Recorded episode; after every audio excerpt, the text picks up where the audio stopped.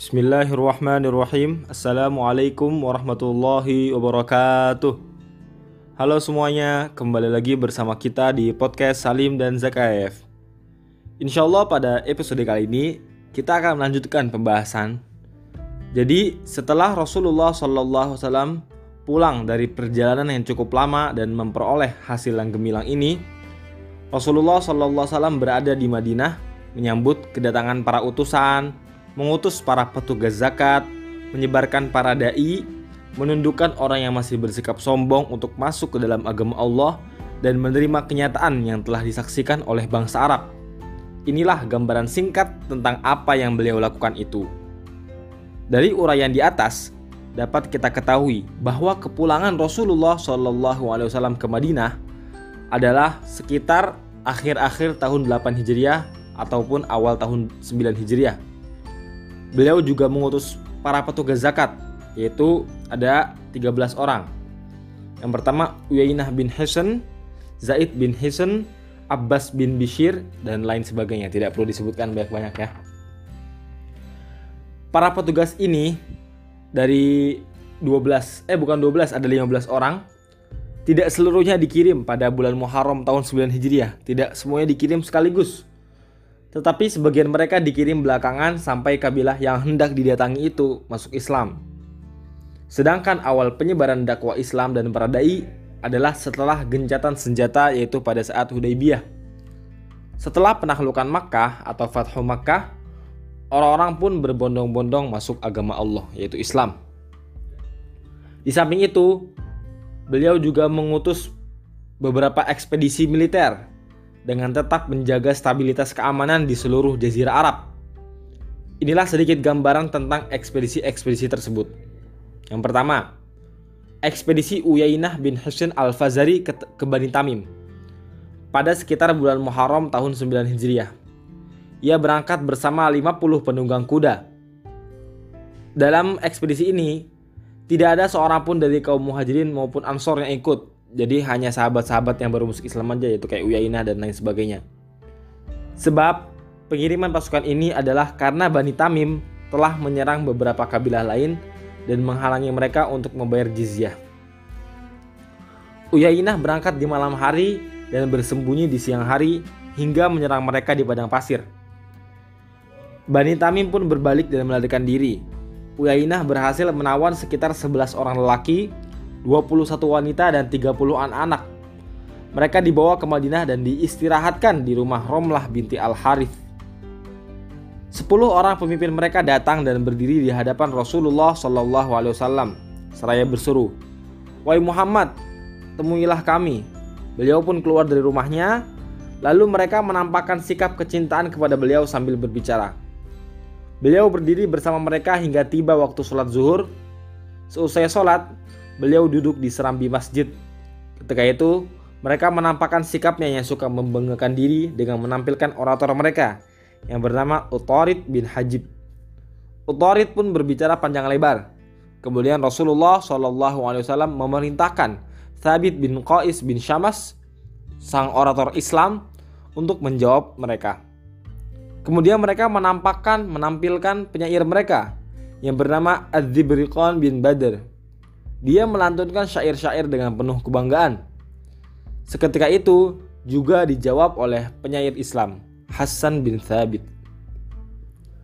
Setelah dua orator dan dua penyair itu selesai mengadu kemampuannya, Al-Aqra bin Habis berbicara. Orator dia yaitu orator Rasulullah SAW lebih hebat dari orator kita. Penyair dia lebih hebat dari penyair kita dan suara mereka lebih lantang dari suara kita. Setelah itu, mereka masuk Islam dan Rasulullah Shallallahu Alaihi Wasallam memberikan hadiah yang menarik kepada mereka serta mengembalikan istri dan anak-anak mereka yang tertawan. Ekspedisi Qutbah bin Amir ke sebuah perkampungan di Khotham. Ini ekspedisi kedua.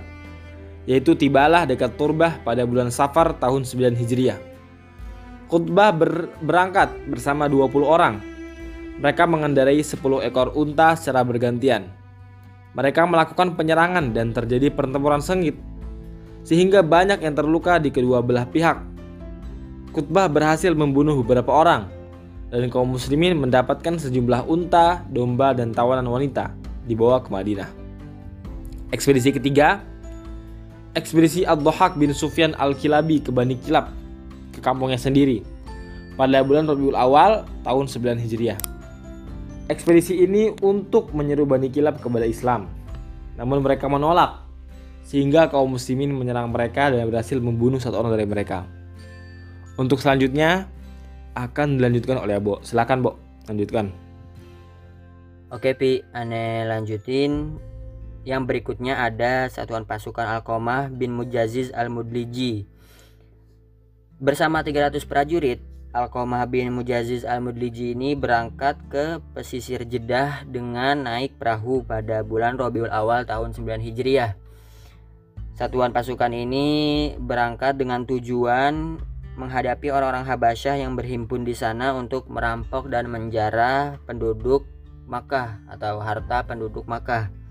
Ketika orang-orang Habasyah mendengar kedatangan Alkomah dan satuan pasukannya ini, orang-orang Habasyah pun langsung melarikan diri dari sana. Dan yang selanjutnya ada satuan pasukan Ali bin Abi Thalib untuk menghadapi atau menghancurkan berhala milik Bani Toyi yang bernama Al-Quls pada bulan Rabiul Awal 9 Hijriah. Di sini Ali bin Abi Thalib berangkat bersama 150 orang penunggang kuda dan 150 orang penunggang onta. Rasulullah SAW menyerahkan bendera hitam dan satu lagi bendera putih. Jadi satuan pasukan ini membawa dua bendera yaitu bendera hitam dan juga bendera putih. Mereka melancarkan serangan ke perkampungan Hatim pada waktu fajar hingga dapat menghancurkan berhala itu dan juga menawan beberapa orang di antaranya ada saudari Adi bin Hatim. Pada uh, ekspedisi ini juga Ali bin Abi Thalib bersama satuan pasukannya mendapatkan harta rampasan berupa onta dan domba yang banyak. Orang-orang muslim mendapat tiga pedang dan tiga baju besi di gudang Al-Quls. Di tengah perjalanan mereka membagi harta rampasan dan tidak membagi keluarga Hatim yang ditawan. Lalu ketika tiba di Madinah, saudari Adi bin Hatim ini meminta untuk dibebaskan kepada Rasulullah Shallallahu Alaihi Wasallam atau meminta belas kasihan Rasulullah. Lalu ketika Rasulullah tahu bahwasanya dia adalah saudara Adi bin Hatim, maka Rasulullah Shallallahu Alaihi Wasallam menolak.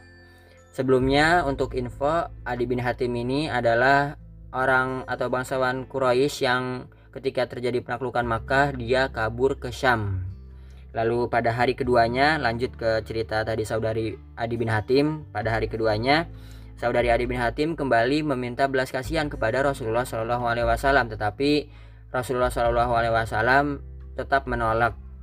Dan hari ketiga saudari Adi bin Hatim kembali meminta belas kasihan Rasulullah Shallallahu Alaihi Wasallam dan akhirnya beliau pun memenuhi permintaan saudari Adi bin Hatim ini. Lalu ketika saudari Adi bin Hatim ini dibebaskan, dia langsung mencari Adi bin Hatim di Syam dan akhirnya ketemu. Ketika itu Adi saudari Adi bin Hatim menceritakan apa yang terjadi pada dirinya kepada Adi bin Hatim dan menyarankan agar Adi bin Hatim datang kepada Rasulullah Shallallahu Alaihi Wasallam dalam keadaan pasrah. Dan akhirnya Adi bin Hatim pun memenuhi atau menyanggupi saran saudarinya Akhirnya Adi bin Hatim datang ke Mekah menemui Rasulullah Shallallahu Alaihi Wasallam tanpa seorang pun yang memberinya perlindungan dan tanpa selembar surat. Adi bin Hatim langsung datang kepada Rasulullah Shallallahu Alaihi Wasallam menuju rumah beliau dan ketika Adi bin Hatim datang ke rumah Rasulullah Shallallahu Alaihi Wasallam, Rasulullah Shallallahu Alaihi Wasallam pun sempat menanyainya dengan beberapa pertanyaan dan di rumah tersebut Adi bin Hatim akhirnya masuk Islam.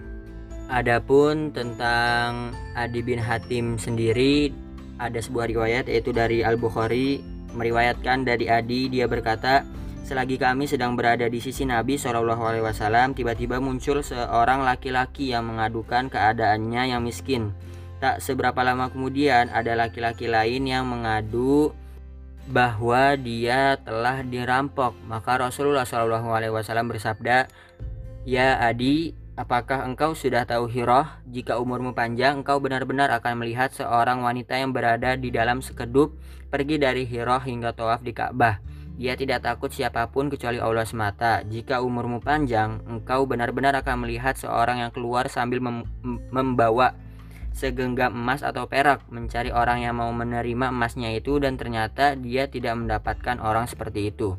Di akhir hadis ini Adi berkata, Aku benar-benar melihat wanita yang naik sekedup dari Hiro hingga dia dapat tawaf di Ka'bah, tidak takut seorang pun kecuali kepada Allah. Aku juga termasuk orang yang membuka kunci gudang Kisra bin Hurmuz. Nah, jadi episode kali ini sampai sini dulu. Kurang lebihnya mohon maaf, jangan lupa di-share ke teman-teman kalian biar lebih bermanfaat. Jangan lupa didengarin episode-episode sebelumnya, ditunggu episode selanjutnya. Barakallahu fikum. Wassalamualaikum warahmatullahi wabarakatuh.